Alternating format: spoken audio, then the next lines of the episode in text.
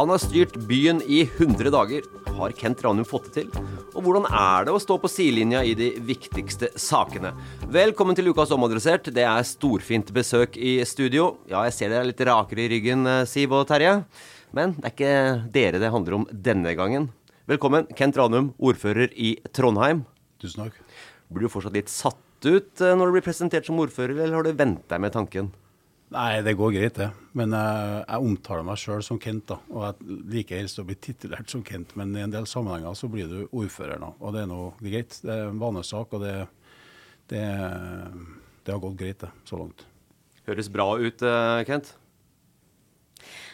Men jeg lurer på, da du hadde 100-årsdagen, fikk du liksom noe For nå har du jo vært ordfører i 100 dager. Fikk du noe ekstra? Nei. Ble det gjort noe stas på det? Nei.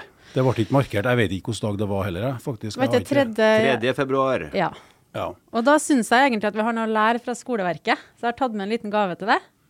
Fordi der får de jo en sånn diplom når de har vært 100 dager. Roy Tommy flirer allerede før jeg har sett den, så dette tegner jo godt. Ja, fin. Sant? Ja, ja, nydelig. Og så har jeg laga en liten egen vri, da. 100 dager. Gratulerer, Kent. Vær så god. Tusen takk, Siv. Du, Tusen takk. du må gi den tilbake etterpå. Ja, det er greit. Ja. Det Ja, for det er ikke noe du har eh, til, uh, gitt den til Kent akkurat nå fordi at det er en gave fra deg til han? Nei, Nei, det er mer sånn symbolsk gest. Ja, OK. Symbolsk gest, ja. ja. Det er liksom blomstene du kan få da fra 100 dager, Ja. Kent. Men jeg syns det burde ha vært noe. 100 dager. Ja, det er jo et eh, historisk eh, begrep. Eh, Kent er jo sikkert kjent med den mest legendariske bruken av ordet, begrepet de 100 dager, er jo Napoleon. Våren 1915, så 1815. 1815, ja. I løpet av 100 dager så rømte han fra Elba. Han inntok Paris. Han leda hæren mot og ble, overtok makta i Frankrike igjen, og leda hæren mot Waterloo, hvor han tapte. Og så ble han forvist eh, til St. Helena. Alt det er i løpet av 100 dager. Det er der standarden ligger nå. Hvordan syns du du har klart deg sammenligna med Napoleon. Jeg var og så filmen nylig, og det var en bra film. Eh, nei, mine 100, eller våre 100 første dager, det, jeg syns det har gått utrolig fort. da. Det, min inngang har jo vært å si ja til egentlig absolutt alt som er mulig å rekke over. eh, rett og slett for å få mest mulig innblikk i egen organisasjon og, og alt det som skjer på utsida. Og så har det skjedd mye bra, og så er det en del ting som skulle helst ha vært gjort eh, bedre. Men jeg, jeg sier nå i hvert fall til meg sjøl at vi, vi, vi tok over etter 20 år. Vi har holdt på i 100 dager. Jeg forstår forventningene, vi jobber med det. Men det er ikke alt du klarer å gjøre på 100 dager i en såpass stor kommune som Trondheim. da. Ja, vi kommer tilbake til mer sånne konkrete ting her. Ja, Men sammenligna med Napoleon så har jeg mye å gå på ennå. Ja, for å svare- sånn, kort. du er kanskje litt mer Gudmund Hernes. Han er jo mest kjent i Norge når han ble helseminister. Så sa han at han skulle tenke seg om i 100 dager. Og så skulle han, så skulle han komme med svarene. Så nå venter vi jo spent på svarene her i dag, da. Det er nydelig. Ja, Det skal blitt, bli en eh, lang time, tror jeg. jeg, har, jeg har blitt statsråd. La meg tenke 100 dager på hva jeg skal finne på nå. Det var såpass, ja. ja. Nei, det, det har vi ikke tid til, Kent. Eh, akkurat å bruke tid til å, tenke så mye. Men altså, i løpet av de 100 dagene Du fikk jo ordførerklubba av Rite Ottervik. Eh, kom mange løfter. Som skulle, kanskje ikke alle skulle gjennomføres i løpet av 100 dager. Det var ikke det du sa. Eh, vi kan komme tilbake til akkurat det. Men, men eh, hva er den beste dagen, enkeltdagen, av de 100 dagene? Julaften. Det høres veldig fint ut. Jo, men det var, det var Den hadde egentlig alt, da. En julaften jeg aldri har opplevd på samme viset før. Jeg hadde okay. lagt opp en møteplan. Uh, På julaften? Ja, ingenting lå på sosiale medier. Ingen, ingen liksom, i kalenderen heller, tror jeg. Så det var det. Så vi var, jeg var og besøkte krisesenteret, Blå Kors, fengselet, barneklinikken, Vår Fruekirka og, og veteranene på brannstasjonen opp til sirkus. Uh, og det å da altså, F.eks. å komme på krisesenteret og få høre hva det betyr etter at den beslutninga og vedtaket om nytt krisesenter eh, ble fatta og finansieringa på plass og rammesøknaden er på plass, til det å besøke innsatte, eh, barneklinikken. Eh, og det å da stupe rett hjem da, i en familiemiddag klokka fem på julaften, det var, det var ganske tøft, faktisk. Men det var en utrolig fin dag. Og det var en dag med mening hele veien. Var den um, Der tok du oss litt på senga. Ja, jeg var liksom, ja, jeg var Ja. sånn, det var, ja. Jo, men altså, vi kunne altså, Brundalsforbindelsen eller Nei, nei, nei, nei, det fikk flertall for budsjettet, men når du spør om den beste dagen, Ja. så er det den, uten tvil. Men hvilken enkeltdag er den verste, da? Bunnpunktet? På de 100, ja, snart 187 dager nå, da. Nei, jeg vet ikke om jeg hadde noe sånn spesielt bunnpunkt, egentlig. Altså, det, det, er ikke en, det er liksom ikke én dag som skiller seg ut sånn veldig på det. Nei. Men er det noen dager der du har tenkt sånn Hvorfor sa jeg ja til dette? Ja, det, det, det har ikke vært Eller liksom, noen øyeblikk? Ja da, det, det er mange dager hvor, eh, hvor tanken på liksom hvorfor uh, Hvorfor har ikke du bare kunnet holdt deg til det litt mer beskjedne, stille livet utafor medias søkelys eller uh, alt sånt. Men, men det går fort over, da. Altså, du, du, er, du er ganske privilegert når du er ordfører i den byen du har vokst opp i. Så jeg, det, jeg prøver å fokusere på det positive rundt meg. og det til tross for at det er mye tøffe, tunge saker, så er det, er det, det er lett å la det positive vinne. Kent, vi må tilbake til starten. Eh, fredag morgen 26.8 i 2022. Da kom det en pressemelding om at du var satt på topp av høyrelista i, eh, på høyrelista i Trondheim, og at Ingrid Skjørtskift var vraka. Det ble varsla pressekonferanse i Gåsaparken eh, på Bakklandet i Trondheim litt utpå den fredagen. Ja. Hva skjedde egentlig den dagen fra du egentlig sto opp da, til eh, den pressekonferansen? Den dagen starta egentlig dagen før, for jeg var i Oslo uvitende om at det skulle være pressekonferanse dagen etter. Du visste at du skulle være på topp på høyrelista, eller? Nei, ja, det, altså, De signalene hadde jeg fått, Ja. men, men eh, jeg, ikke, jeg var ikke klar over at den skulle komme allerede dagen etter. Så jeg var i Oslo i helt annen sammenheng og en helt annen setting når telefonen kom på kvelden at du må bare komme deg hjem. Jeg skulle egentlig være den neste dagen i Oslo. Så fra da så ble det litt hektisk, da. Så jeg måtte komme hjem og skifte klær, måtte jeg også, Og få ordna meg, komme meg ned til Vi satte oss på Riv Gårds, jeg og Linda og er Linda Hofstad Helleland som Ja, da var ja. eh, valgkampleder. Linda, nei, Linda Hofstad Helleland var da medlem av nominasjonskomiteen. ja, nominasjonskomiteen, mener jeg unnskyld. Og Henrik, mener jeg. Eh, og så satt vi der og gikk gjennom en times tid da, liksom, hvordan vi skulle stå gjennom det. For jeg hadde jo aldri vært i en pressekonferanse med å bli kunngjort som foreslått ordførerkandidat før nominasjonsmøtet. Og så gikk vi ut og traff eh, de journalistene som var der, da. Ja, for det jeg, jeg, ja, Nei, det var jo Jeg husker jo den dagen godt sjøl da. Vi hadde jo liksom lukta lunta på at kanskje Ingrid kom til å bli vraka. Uh, Ingrid Skjøtskift var jo uh, gruppeleder for Høyre og hadde jo signalisert klart og tydelig at hun ville bli ordførerkandidat ett valg til. Og så kom jo den uh, pressemeldinga. Og så var det noen som ringte fra NRK eller noe sånt, husker jeg til meg. Sånn, hva kan du si om Kent Ranum? Og jeg var litt sånn Jeg kan- kanskje skal ringe tilbake litt seinere, eller? kan, kan, kunne du ikke den Kent Ranum? eh, Nei, jeg kunne ikke den eh, Kent Ranum, for da hadde jo jeg jobba Altså da du hadde vært vara for Høyre, så hadde jo jeg vært i Oslo, så jeg, jeg, jeg måtte google Kent Ranum. Og det er jo ikke så ofte, vil jeg påstå, at jeg som i min rolle, da, må liksom, når det kommer en kandidat til å bli ordfører fra et stort parti, at jeg må google vedkommende. Uh, men det måtte jeg da, skal jeg være ærlig på. Du måtte jo google Siv Sandvik du også, Kent. Ja da. Nei Og etterpå, etterpå skal jeg google litt om Napoleon nå til neste gang jeg møter en Terje. Nei, men jeg, jeg husker den fredagen, for jeg jobba jo, og jeg ringte deg uh, tidlig den fredagen.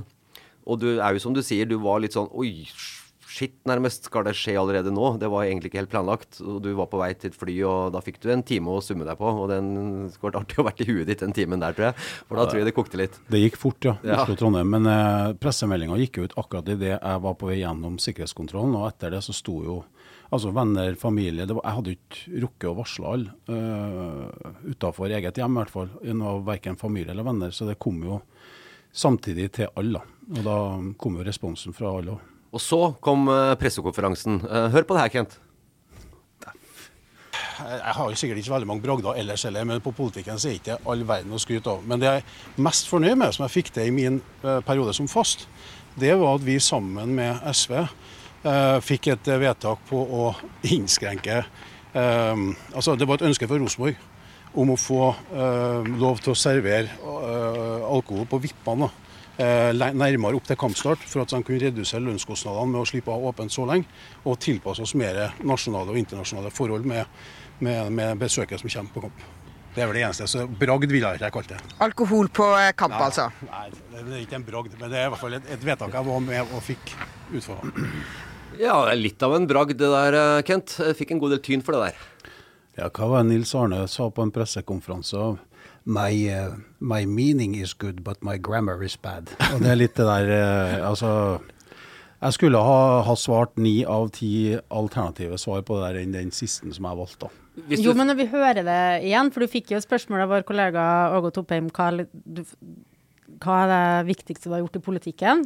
Største politiske bragd. Og du, når jeg hører det igjen, så sier, tenker jeg jo, for jeg har jo flira mye av det svaret der, eh, at men du presiserer jo at det er jo ikke så At det ikke er en så stor bragd.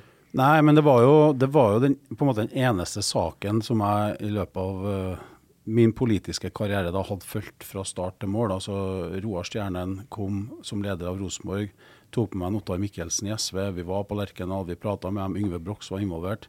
Og da, Den gangen var det jo stort flertall mot å gjøre noe med skjenketida. Og Rosenborg presenterte jo som at man da kunne spare en halvtime lønnskostnad på alle ansatte, fordi man skjøv serveringene nærmere kampstart til å være på linje med alle andre eh, nasjoner da, og en del andre stadioner i Norge. Men, men hadde ikke du en lignende bragd i samme sjanger når du var i russe, russestyret? Eh, kampen mot eh, heimbrent ble møtt med forslag om billigere øl, var ikke, stemmer ikke det? Nei, greia var at Klaus Joakim Sonstad, som journalist for Adresseavisa, hadde snappa opp noen tips fra foreldre på Gerhard Skjønning skole, hvor eh, en eh, kompis eller bekjent da, hadde tatt opp bestillingsliste på hjemmebrent til russetida. Og da møtte vi jo Klaus Joakim. Jeg var altså russepresident for Trondheim og russepresidenten på Gerhard Skjønning. Lars Petter Berg, da. Vi møtte Klaus og vi svarte noe på spørsmålene. da. Det beste og det var ikke noe, det var ikke noe medierådgivere involvert. da. Eh, og så sier Klaus når han drar at nei, men det her blir en liten notis, det har vært noen ulykker og sånt. og sånn, Så er hele førstesida når du våkner opp i Klæbu og liksom russ selger hjemmebrent på skolen, var overskrifta. Men alle kompisene på bussen ned til skolen i byen, de hadde jo ikke lest noe mer enn overskrifta, så det var jo tomla opp der sant, å fremme lokalkulturen i Klæbu den gangen. Men, eh, men uh, det var f- første førstesida, ja. Allerede da så kunne du sikkert mange som kunne tenkt deg som ordfører, for å si det sånn. Nei, det vet ikke jeg, men eh, Men vi fikk nå stoppa bestillingene og leveringa av hjemmebrenten. da. Uh, og så prøvde vi å få til, det gjør jo alle russen, altså billigere øl. Jeg skal nå møte hovedrussestyret nå for å prøve å finne egna areal for dem til å gjennomføre feiringa. og Det håper jeg vi kan få til bedre enn det har vært de siste årene. i hvert fall. Men, men Kent, altså Da du, den bomba ble bomba nærmest da at du ble presentert osv., så, videre, så ble det jo en raskt da, en ordførerkamp mellom deg og, og Arbeiderpartiets Emil Råen. Skal litt tilbake til, men altså, aller først, Hva er den største forskjellen i livet ditt da, før og etter seansen i Gåsaparken? Foruten å ha den politiske debattene med Emil og andre. Nei, det er vel øh, muligheten til å gå litt diskré rundt og være med på ting. Den er borte. Eh, men det er egentlig ikke noe, ikke noe negativt, det. Men du må bare vite og forholde deg til det.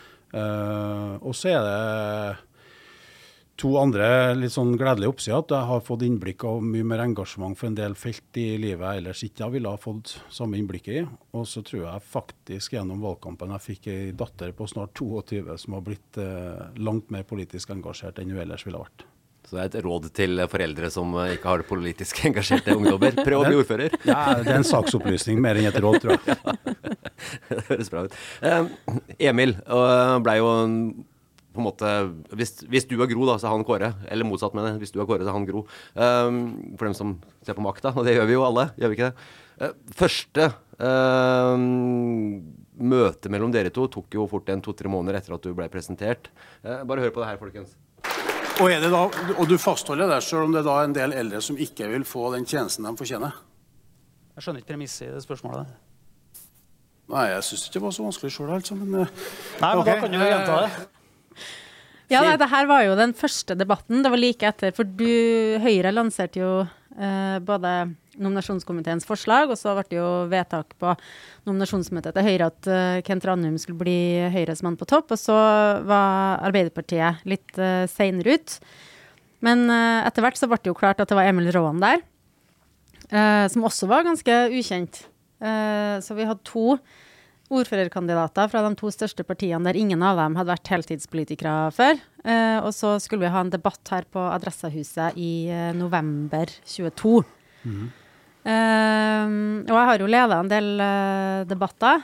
Men jeg har aldri både vært så usikker sjøl på hva jeg gikk til, og måtte forholde meg til to toppkandidater som var usikre dere òg, da, vil jeg si. Ja, det var en times tid det varte, og det var nå en time med innbytterpuls på speed. Altså Det var forferdelige greier. Jeg, jeg svetta et kvarter før i, i hendene, og det var Du gruer deg jo, det var jo mye folk. Mm. Eh, Ja, altså Det var første gang dere skulle møtes, og det var store forventninger. Ja da. Og så er det jo, som Siv sier, det er jo to litt sånn ferske uh, kandidater som står der. Og hele settingen er jo ny. Altså arenaen, eh, formatet, alt er nytt. Så det er jo det, er Så kom vi nå kanskje litt likere inn i det etter hvert, men, men for min del så er på en måte de politiske debattene er ikke, det er ikke favoritten. Altså Det er ikke der jeg føler det blir utretta mest. da. Men uh, etter hvert så fikk vi nå kanskje frem litt mer forskjeller. Men det, jeg må jo si det at selv om det blåses opp til liksom en storkamp mellom meg og Emil Raan, så var det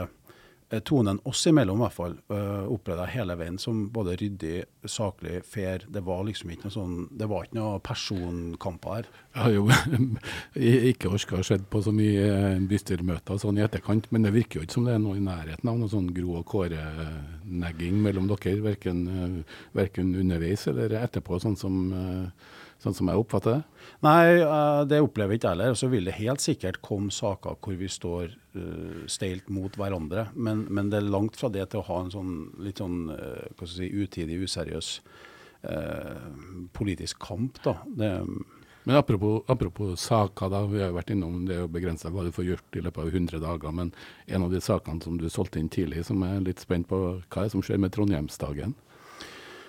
Ja, den eh, solgte jeg jo inn til stor latter blant flere i Adresseavisa og ellers rundt omkring i byen, men eh, den står fortsatt på planen. Eh, og jeg syns jo, ikke bare for at det var jeg som kom på den, men jeg syns ikke ideen er så toskete.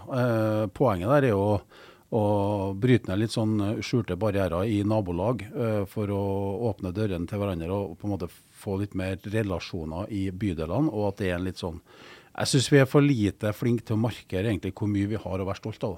Eh, uten at det skal koste så mye penger, men det, det tar litt tid å planlegge regime på det. Så, så det er mer i bydelene enn en slags utvida tulldag du, du ser for deg? Altså. Ja, det har ikke noe med tullene å gjøre. Egentlig så bør minst mulig skje i Midtbyen akkurat den dagen. da. Jeg mener at det, rundt omkring i bydelene så er det mange som egentlig har hatt mye mer glede av å, å, å leve det livet de gjør i bydelene sine, hvis man hadde vært kjent med flere rundt seg. Eh, Under den debatten, bare litt tilbake til den første debatten med Emil Raan der, så handla mye om eh, eldreomsorg og privatisering. Og det ble litt temperatur underveis da i debatten etter at man hadde fått eh, skuldra ned en to-tre meter. Eh, ble, ble det liksom lettere for deg, Kent Ranum, å, å på en måte komme inn i den der, hvordan Høyre skulle være etter at du sa blankt nei egentlig til privatisering av sykehjem, og det ble jo fastsatt både der og tidligere. Nei, det ble ikke fastsatt i den debatten, for da hadde dere ikke programmet Det kom senere. Ja, men det, kom, ja, men det var, i hvert fall nevnt, nevnt, nevnt også i Ja. eh, tiltredelsesintervjuet, nærmest.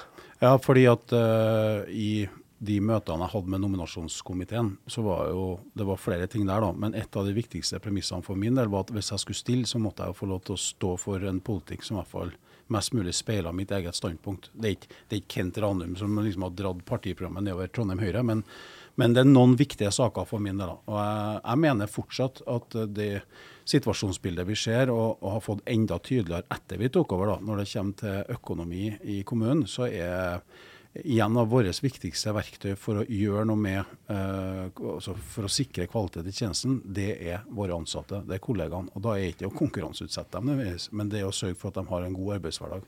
Ja, for det, virkeligheten, altså Etter debatten her så kom virkeligheten rett i fleisen på deg da du ble ordfører. da, og Det er gått av 100 dager siden. Du lova ganske mye. og Det mest konkrete du sa, var jo bl.a. skolestruktur og investeringer i skolebygg på Tiller i løpet av 100 dager etter valget. Eh, og så er det stor budsjettsprekk, som du sier, i eldre og skole nå her i Trondheim kommune. Får du gjennomført det dere ønsker? Ja, vi skal få gjennomført det. Og så, hvis du tar det lista med pluss-minus, da, så har vi Brunalsforbindelsen er på plass. Ja. Den var i stampe i veldig mange år. En og en halv måned etter vi kom inn, så er den på plass nå. Fire felt, innsnevring. Fylke, stat, kommune enig. Vi fikk noe flertall for budsjett på kommunen òg. Det syns jeg òg var veldig godt. Ja, fordi på fylket så dere kunne endt opp eh, som Thomas Iver Hallem i Senterpartiet, som er fylkesordfører som styrer på et annet budsjett. Ja, eh, men ja, det kunne vi jo alltids ha gjort hvis ikke vi har fått, uh, fått sikra et flertall sammen med Fremskrittspartiet. Eh, men det gjorde vi. Uh, krisesenteret er beslutta bygd og finansiert og rammene er på plass. Eh, og så fikk vi jo òg, da, eh, for første gang på gud vet hvor mange år, eh, en nedgang i bussprisene. Det har vi jo fått gjennom nå i Miljøpakken.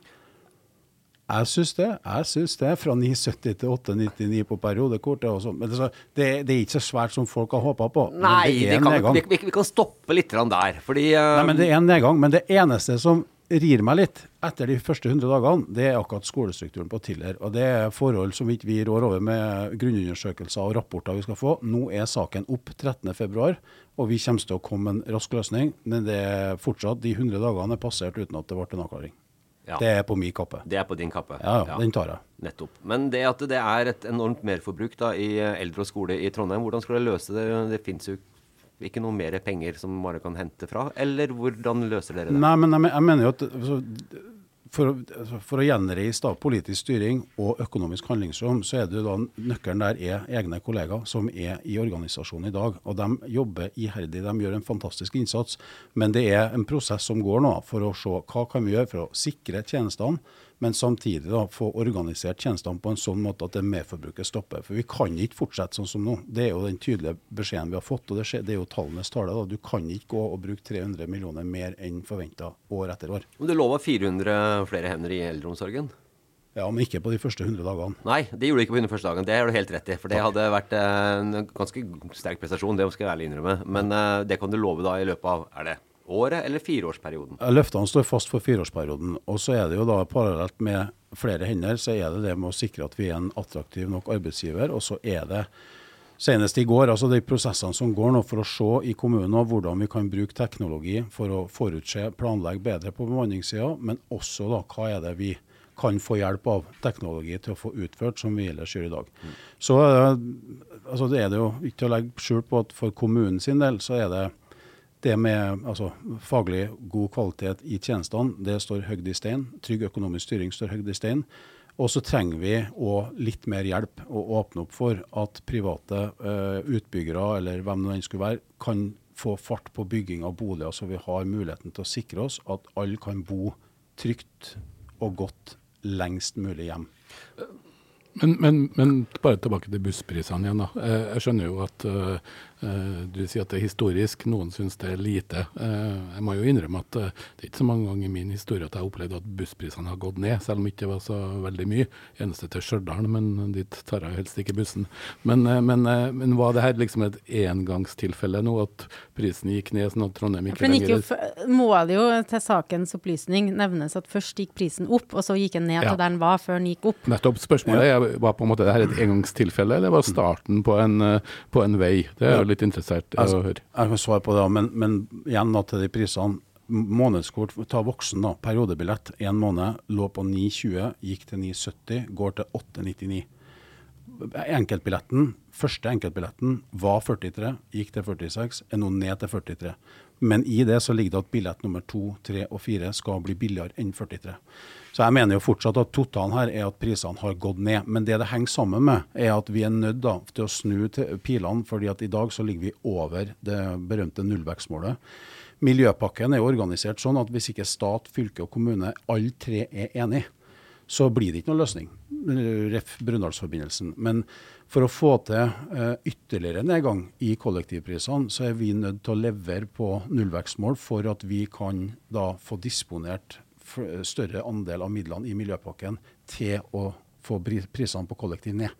Så sa jo staten i de forhandlingene sist at OK, vi kan bruke de pengene som er foreslått på reduksjon av kollektivpriser, men da må samtidig eh, rabattsatsen for elbiler i bomstasjonene reduseres. Altså prisen for å kjøre elbiler skal gå opp gjennom bomstasjonene. Og det er jo en litt sånn krevende eh, forhandling, da. For vi kan jo ikke sitte i det kontaktutvalget og, og forskuttere vedtak. Og det fart- ble jo etter mye frem og tilbake da, en løsning hvor vi unngikk samtidighet, og vi unngikk på en måte å måtte innføre det. Så det blir en egen sak for bystyret. Men der sitter du jo da i det møtet i uh, Miljøpakken, som er den der byvekstavtalen uh, til Trondheim, og krangler med en eh, slash forhandler med en byråkrat som ingen har valgt. Hvordan eh, oppleves det som ordfører? Og den byråkraten er fra Statens vegvesen? Ja. Ja, altså det, Staten er jo representert med flere i kontaktutvalget til Miljøpakken. Uh, men det er leda av en fra Statens vegvesen. Uh, nei, Jeg har ikke så mye forhold til om de er byråkrater eller ikke, men de sitter jo der og, og på en måte utøver regjeringas politikk i Miljøpakken. Ja. Eh, nå skal det være et styringsgruppemøte med, med statssekretær da, fra Samferdselsdepartementet på fredagen.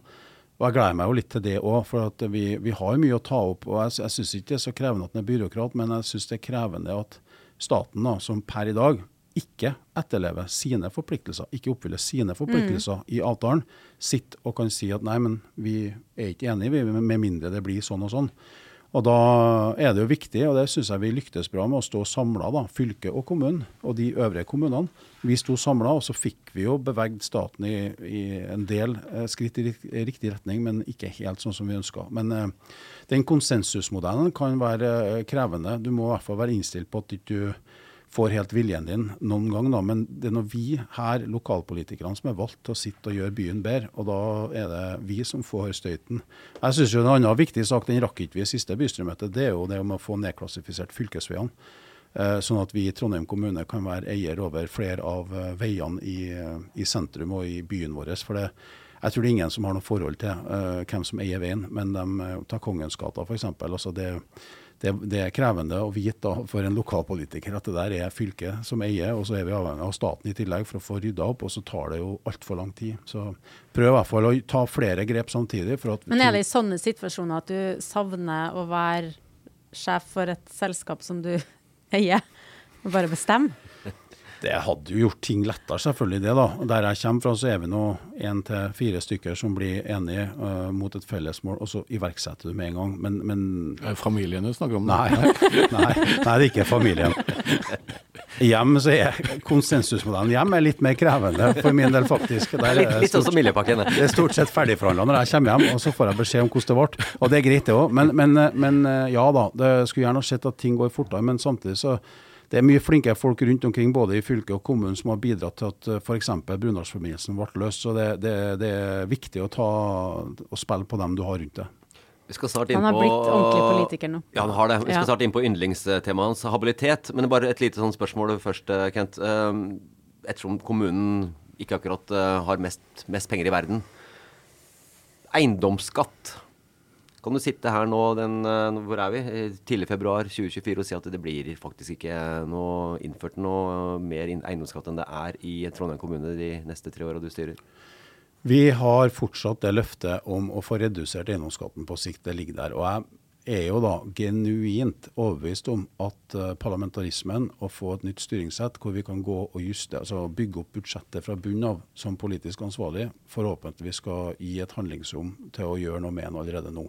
Men vi har nå de fire årene vi har gått til valg på for å få gjort noe med det. og Det gjør det ikke noe lettere å innfri med den økonomiske situasjonen. Men jeg er, igjen da, jeg er mest opptatt av å se mulighetene. Det her skal vi få til. Vi skal, jeg tar ikke ansvar for det situasjonen vi arver, men jeg skal ta ansvaret for å få, få innfridd på løftene våre.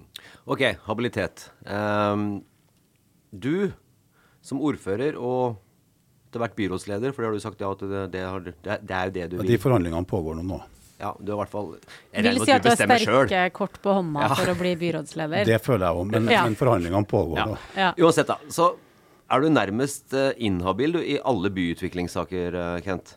Nei, jeg er ikke det, men jeg er kjent inhabil i KPA, behandlinga av kommuneplanens arealdel. Ja. Uansett, hvordan kan vi da ha en byrådsleder som nå er ordfører, eh, som melder seg inhabil i eh, mange av de store byutviklingssakene som Ja, vi må bare, for KPA er jo et ord som eh, folk Du må nesten være politiker eller byråkrat eller journalist for å ha hørt om KPA. Selv om konsekvensene av Til og med kommunedelens politisk journalist, vil jeg si. Ja. Kommunedelens arealplan får jo enorm påvirkning for alle som bor i Trondheim. Hvor skal det bygges næringsareal, hvor skal det bygges boliger, hva skal være grøntområder, hva skal være landbruk. Det er jo det kommunen sjøl eh, kaller det viktigste styringsdokumentet, å legge føringer for de neste tolv årene. Og egentlig var det det forrige bystyret som skulle banke gjennom, men det ble utsatt, så det er den gjengen som styrer nå, som skal legge denne nye arealplanen. Ja. Og Kent kommer fra eiendomsbransjen og er uh, utvikler, ikke sant? Var. Er. Var eller er? Var. Var. Men jeg har jo fortsatt eierskap i en del bygg i Trondheim, men de er jo i all hovedsak ferdig utvikla. Ja. Altså, mange vil jo si at det, er det én på dette rådhuset som kan byutvikling og hvordan dette her skal gjøres, så er det jo du som må drive med dette her og kan, kan på en måte eiendom. Men også er du inhabil. Hvordan skal dette her gå? Nei, men altså, for det første Jeg er jo ikke så enig i alt det som er skrevet om det der, da. Men altså, for det første, kommunen holder på med veldig mye annet som også er viktig i, i sitt virke da, for innbyggerne, enn bare KP-ene. KP-ene er en, et veldig viktig dokument. Det legger veldig mye føringer. Har veldig stor betydning for uh, hele byen. Men det er langt fra det eneste vi holder på med på kommunen. Så at når jeg da er kjent inhabil i den saken, så, så er nå det, det fair enough. Vi er fortsatt 20 dyktige Høyre-folk som jobber i bystyregruppa, men jeg er ikke en av dem som jobber med KPA-en. Og det har jeg jo ikke gjort verken under forhandlingene med alliansen eller etterpå. Men det er jo fortsatt en del saker som jeg har bedt om å få habiliteten min vurdert på, som jeg har vurdert habil både av bystyresekretariatet og av organet, da, formannskap, bygningsråd, bystyre. Så at, eh, Jeg var forberedt på det og har egentlig innretta meg på det. og at det ble sånn. Men, men, men, det å gå derfra til å si at man da ikke har noe lenger å holde på med som ordfører eller byrådsleder, den eh, er ikke jeg med på. Jeg sa ikke det. Det har Nei, ikke sagt. Det er det det, sier. Nei, men sånn stripp, strippa for makt eller galt. Altså, Johan uten land. Ja da. Det er- mange ord på det der. Men altså, poenget mitt er at det, det, der, eh, det er et viktig dokument. Det er 20 velkvalifiserte høyrefolk til å, å representere Høyre i den prosessen der. Jeg holder på med veldig mye annet, og det er mer enn nok å fylle dagene med, også utafor Kåpan.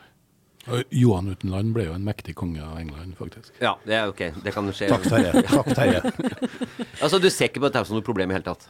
Nei, jeg gjør ikke det. Jeg ville ha sett på det som et langt større problem hvis jeg da hadde blitt vurdert habil og det hadde dukka opp noe. Altså, den her egnaheten til å kunne ha mistanke om, eller at du er sant? Den, eh, den der eh, Men, men har du vurdert da å selge deg ut av alt du har en finger med? Ta Nei. en uh, Tangen, var det ikke det vi brukte her, Siv? Ja. Eh, nei, det har ikke jeg. Uh, og det er flere grunner til det. Men uh, jeg syns ikke det er noe altså, naturlig sammenheng heller at man blir kjent uh, inhabil i behandling av uh, kommuneplanens arealdel, og med det måtte selge ut alt du sitter og eier for å kunne bli vurdert som habil. Nei, det hadde jo vært Hvis jeg tenker det hadde vært naturlig å gjøre det, så hadde det vært før du ble ordfører. Altså i den en helhetsvurdering som Nicolai Tangen tok før han ble sjef for oljefondet, som en helt annen situasjon. Eh, der han solgte eh, alt investeringsfondet sitt og la, ga pengene til et fond som skulle drive med veldedighet. Eh, så det hadde jo vært det hadde jo vært en mulighet du hadde kunnet gjort. Jeg er ikke enig i det. da. Det har med både tilstand på byggene, altså under utvikling, eh, det har med markedet å gjøre, og så har det noe med min egen horisont. Jeg blir nå 48 år nå, 1.4. Eh, det, er på, jeg syns ikke de er eh, sammenlignbare, de to situasjonene. Jeg vurderte det iallfall ikke sånn, og derfor så Tangem eh, har jo også investert og donert mye til kunstmuseet eh, kunstmuseum i noen kornsiloer i, Kristiansand. Det er jo noen korn- kornsiloer på, Ila. Du har ikke, du har ikke tenkt i de baner? Nei, Berit tidligere hadde jeg, hørte jeg. Eh, og det er en god tanke, det. Men med en festekontrakt til 2060, en viktig bedrift som Felleskjøpet er, så syns jeg det, når de først har den lange festekontrakten, så er vårt viktigste anliggende i kommunen er å sørge for å legge til rette for at de kan utvikle virksomheten sin der de er og skal være til 2060. Og så er det vel tida for å opprettholde kornlager i Norge? Ja, jeg tror, det, er Det er ikke noe du kvitter deg med, i hvert fall. Kanskje litt dårlig timing, ja. Du har rett i Ja, det. Fenes hadde et godt utgangspunkt. Det kan være korn inni og, og, og kunst utapå. Du var inne på det. Parlamentarisme skal innføres i eh, Trondheim. Det, Du blir storsjef som byrådsleder. Eh, mange ville kanskje sett på deg som en ordfører. Liksom, god til å prate, litt jovial, men ingen politiker. Eh, Borgermestertypen. Du har sikkert hørt flere ha nevnt det enn meg. Jeg, jeg er ikke først som nevner det, for å si det sånn. Nei da, men, eh, men eh, nå har, sitter vi jo med 20 representanter. Vi er desidert størst i alliansen. Jeg syns det er naturlig når du står som ordførerkandidat for et parti i en valgkamp basert på formannskapsmodellen, og man får flertall for å innføre parlamentarisme, så er det naturlig at man da vurderer seg sjøl som byrådsleder. Hvordan, kan du røpe noe nå hvordan byrådet i Trondheim eh, blir seende ut eh, august 2024? Nei, 13. juni. 13. juni, eh, når vi innfører det, så, så er det ikke helt klart ennå uh, hvordan det blir å se ut. Men det ligger jo en del uh, bystyrevedtak både på omfang og fordeling av ressurser osv. Det, det ligger der. Og det er nå det vi baserer forhandlingene på nå, innad i alliansen. Hvem som skal danne byråd, hvem skal ha hvilke posisjoner osv. Ja, for der lurer jeg på Det kom jo nyhet i uka her eh, på fylket.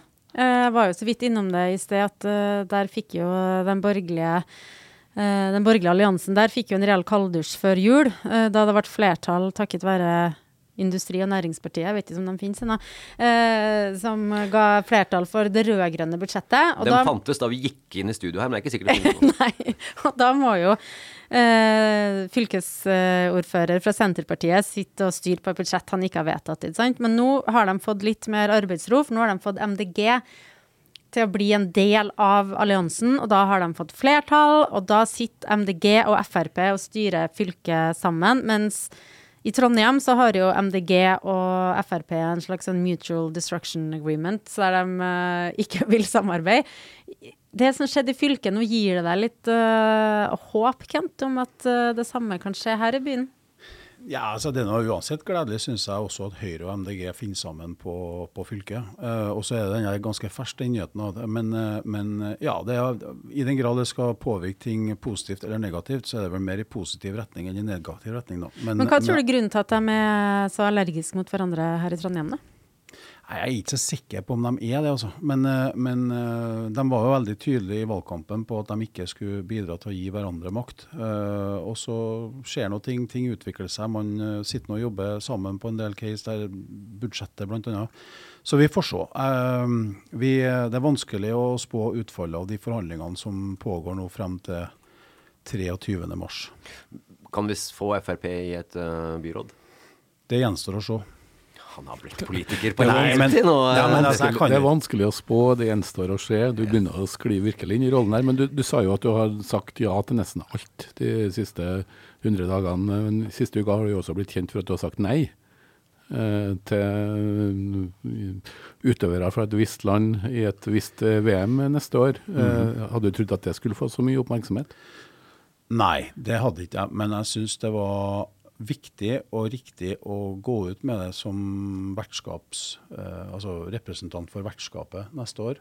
Eh, det er en krig som pågår i Ukraina. Man har ikke evna å ta et oppgjør med doping, eh, korrupsjon. Jeg syns det er greit. Og for meg så virker det der med nøytralt flagg som et ganske sånn håpløst kompromiss. Altså, Alle vet at det er det landet de representerer. Alle på en måte, Du får samme effekten uavhengig av flagget. da. Men uh, at det skulle bli så vidt mye eh, reaksjoner uh, noe, alt, altså I all hovedsak det jeg har mottatt, er veldig positivt. Men sånn det du leser av pressen, russisk og ukrainsk og italiensk og engelsk, det gikk jo liksom bredt ut. Så tenkte jeg kanskje det skulle gå over uh, i et litt mindre omfang da, enn det det ble. Men vi, vi har jo vært, vi har hatt Play the Game-konferansen på Roa Garden. Den er vel ferdig i dag, tror jeg. Eh, og det er, det er statsledere, det er idrettsrepresentanter fra, fra ja, store deler av verden som har vært samla og diskutert. Og det har vært mye antidopingrepresentanter. Så jeg hadde jo gleden av å åpne hadde en åpningstale på den konferansen, og da tenkte jeg det var veldig god timing for å, å tydelig markere hva, hva jeg og vi som vertskap da, eh, bør mene om det. Internasjonalt var kanskje navnet ditt ennå litt større autoritet enn i Norge. Jeg tenker på Kent. En viss eh, Jeg skifter ikke om i telefonkiosken, jeg, Jeg har ikke kommet dit ennå. Det er altså referanse til Clark Kent og Supermann. Er det dit du skulle gå ut fra? Superman, ja. ja. Ikke sant? Altså, det er også, bare for dem som egentlig hang med her også. Kent Ranum, og, mm, som ordfører i Trondheim, sa da, og gått ut eh, i media og sagt at eh, russiske utøvere ikke er ønska til Trondheim under ski-VM i Ja, og så har jo IOC, Uh, som ikke bestemmer over VM, men som uh, forhåpentligvis ikke da kan legge føringer for uh, FIS. FIS, eller? Er Sa du FIS? Nei, men er det Vi uttaler vel det FIS, med, Fiss. med trykk på S-en. Ja, det er bra. Skulle du si noe mer, da? Men i hvert fall, IOC har jo landa på den der dumme mellomløsninga. At de kan Ok, Nå fikk Siv det igjen. Skal vi ta det videre, eller? Det at hun kikker på meg, så begynner hun å flire. Ja, men det, er- du er, det, er, det er Jo, men den Ja. dumme mellomløsninga om at de kan være under nøytralt flagg, ikke sant. Men hvis um, Klæbo eh, Han er jo trondhjemmer og norsk, sjøl om han hadde skulle ha vært under nøytralt flagg. Og det samme gjelder jo for russerne. Og Putin bruker jo dere idrettsutøverne for alt det er verdt i propaganda. Så sjøl om det ikke er ordføreren i Trondheim som bestemmer hvem som skal delta i VM, så syns jeg det er bra at du flagger det. Ja, og så fikk vi jo støtte av Røste, da, som er member of FIS Council, eh, i går. Eh, og jeg håper jo sponsorene kan stille seg bak. Og så kan vi heller eh, altså Vi kan ikke bare være negative og ha sånn hold deg unna-holdning, men jeg håper jo virkelig at både Petter Northug og Therese Johaug blir å finne på startstreken neste år. Det syns jeg har vært stort. Ja, det hadde vært fantastisk. Det, da, hadde, da hadde mange begynt å sette langrenn igjen. For det, den tilskuerskaren der har, på en måte, den har senket seg litt, føler jeg, de siste åra. Nesten samme gjennomsnittsalder som en papiravisleser. Ja, faktisk, har, har, har jeg blitt så gammel? Ja, jeg har det. Det høres mer ut som 'Mesternes mester', syns jeg. Men, men, men um, Kent, uh, som ordfører så er du en travel mann. Vi skal snart gå inn for landing. Men de siste ukene så har det vært mye plagiat. Har, har du noe master? Ja, det het ikke master den gangen, men jeg har jo tatt juss, altså juridisk embetseksamen den gangen, med penn og papir. Og så har du vel plagiert Nils Arne Eggen i mange år. Ja, ja men det, han jeg måtte ha aksept fra med copyrighten, han, han, han ga meg tillatelse. Den, den var bra, Eidsvåg. Du, du slår til en gang iblant. Det gjør det. Men så, noe som vi ikke var klar over her, som vi fikk inn på melding da noen så at du sitter i studio her, så fikk jeg fra en kollega. Dere må spørre Kent om hvilken vits han fortalte, og som dronningen lo av under middagen på KUK forrige torsdag kveld. Det, eh, det vet jeg ikke om vi har tid til, men, men Jo, det har vi. det som var da på torsdagen, ja, det var I forrige uke, Ja, var invitert til middag og fikk eh, dronning Sonja til bords. Eh, jeg dro hjem litt sånn halvt starstruck og mektig imponert. Altså, Dronninga vår blir 87 år til sommeren. Eh, hun er veldig glad i akevitt. Nå var ikke mengder med akevitt, men uh, hun skåla i akevitt og holdt praten i gang. Og vi ble uh, på den korte tida så godt kjent vi kunne bli. Fantastisk dame å ha hun som dronning. Men så hadde jeg jo fått Jeg skulle holde takk for maten-talen. Så var det fletta inn en, en vits da. Den var jo helt Den var ikke all verden, da. For å si sånn. Så dronninga sa det at hun oppfordra ordføreren til å ta en vits han, eh, han heller likte å fortelle. Så liksom, det kom nok til å kle ordføreren bedre. Og da måtte jeg ta det, da. Og da gjorde jeg det, og det, og det gikk bra. Kan du ta den?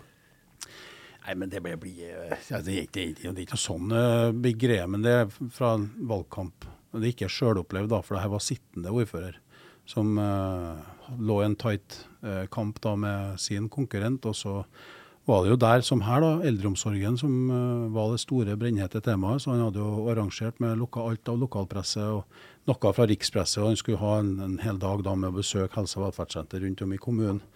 Og det gikk jo veldig bra der, helt til han kom til var det nest siste på kjøreplanen. da. Han var der, og det er, jo, det er jo gjort i stand, og det var stor ståhei og media og alt der. og Han går rundt og hilser på beboere og ansatte og virkelig føler at han er i døtten. Og så hører han en stemme lenger bak i lokalet, og en dame som roper på han og lurer på om ikke han kan gjette hva, hva hun har inni handa si, for da skulle hun få ei het natt med hun da. Og Det var en beboer godt opp i årene, så han tenkte at dit skal jeg ikke. Han prøvde liksom å file seg litt bortover mot venstre for å ta Men hun satt i rullestol og var kjapp i hendene, så hun kom seg rett foran henne og gjentok spørsmålet. og Da var det jo for sent. Alle journalistene hadde hørt det, og media og kamera var på. liksom Ordfører, ordfører, gjett nå hva jeg har inni handa mi. Den natta her kommer du aldri til å glemme. Så tenkte jeg her må jeg jo bare tenke kjapt, jeg må komme meg ut av dette uten å fornærme hun, og på en måte på en elegant måte. da. Så han sa da at eh, jo da, fru, jeg skal gjette deg, jeg tipper du har en elefant i handa di. Tenkte nå. Men hun dama var snart tenkt, så hun bare sa det er så nær at det godtar vi. så det var litt mer, eh, i hvert fall litt mer fartig fart i enn den eh, opprinnelige. Det var bra det- du presiserte at den ikke var selvopplevd. Ja, fordi ryktene fra den meldinga jeg fikk her, er også at du måtte fortelle faktisk da to vitser fordi dronninga syntes den første ble for kjedelig. Ja. jo, men når dronninga ber om det, så hører du etter. Da må du bare finne en fra andre skuffer. Tungt første møte med dronning Sonja, så får du beskjed om å fortelle en vits til, for den første var for kjedelig. Det er greit å ha på CV-en, det det. var fantastisk. Det var en kjempekveld, rett og slett. og hun, hun, Det er full fart. og Hun hadde eh, tett timeplan. Hun skulle videre til Bodø og åpne, være med på åpninga av kul, eh, europeisk kulturhovedstad, og videre deretter igjen. Så hun var på farten i flere dager sammenhengende. Nydelig. Da fikk vi jo høre ordføreren fortelle en vits også, Siv. Jeg lurer på hvordan den første vitsen var. Det var to fornemme fruer Nei, det var to klassevenninner. Det? Det er to venninner fra barndommen møtes i voksen alder på torget. Hvor den ene da hadde, liksom, de hadde gått litt hver for seg, og hun ene var blitt en fornem frue, mens hun andre var litt mer ja, hvermannsen, eh, eller hva man skal kalle det. Og hvor hun fornemmer frua hun liksom, å, jeg må dra hjem nå, vi skal ha ordføreren til middag. Så svarer hun andre vel, vi skal ha fiskpudding, men det er godt hvis du har reker i sausen. Jeg syns den var artig. Dette er så artigst. Ja ja, men, men humor er jo litt individuelt av og Det er jo det- ja. Ja, det er jo det. Eh, Jeg tror jeg støtter dronning Sonja der, for å si det sånn. Eh, Kent, eh, sitt litt til. Terje skal komme med en anbefaling som du kanskje kan få nyte da du en gang får ro og fred eh, gjennom de 24 timene du stort sett er på jobb. Ja, den her er faktisk litt apropos til en av sakene eh, vi har snakka om. det er ikke En politisk skandale har vi allerede ikke snakka om. Ikke bussprisene. Nei, det er, eh, veldig alvorlig, men eh, viktig å få med seg, vil jeg påstå. Eh, I går så la NRK ut eh, på sin spiller, og den ble liggende en stund, en dokumentarfilm som er nominert til Oscar for beste dokumentar, eh, som utdeles 11. mars. Det er en film fra Ukraina eh, som heter For 20 dager i Mariupol. Eh, Det var de siste journalistene for Associated Press som var i Mariupol ved invasjonen til, fra russerne i 2022. Eh, Det er en knallsterk film, men den sier veldig mye om hvordan sivilbefolkninga og hvordan en invasjon av russere oppleves. Og Det gjør det også veldig lett å forstå hvorfor eh, i den pågående situasjonen at, russ, at ordføreren ikke syns noe om at eh, russerne eh, trenger å inviteres til VM. Så 20 døgn i Mariupol er en dokumentar som kommer til å bli stående. For den er den eneste dokumentasjonen av, av eh, profesjonelle journalister av hvordan det var eh, i februardagene for to år siden. Så den eh, anbefaler jeg sterkt, selv om det er veldig tøff, tøft og vondt å se på. Så er det en viktig og god film. Den skal jeg se. Definitivt. Uh, strålende. Tusen takk skal du ha, Kent. Uh, 100 dager som ordfører. Vi, uh, si sånn, vi møter deg igjen om 200 dager. Ja, ja, men det er veldig hyggelig å bli invitert, så eh, jeg stiller, jeg. Ja, det er bra. Det er veldig bra. Skal du si noe til slutt, Siv? God helg. God helg. Ja, ok. God helg.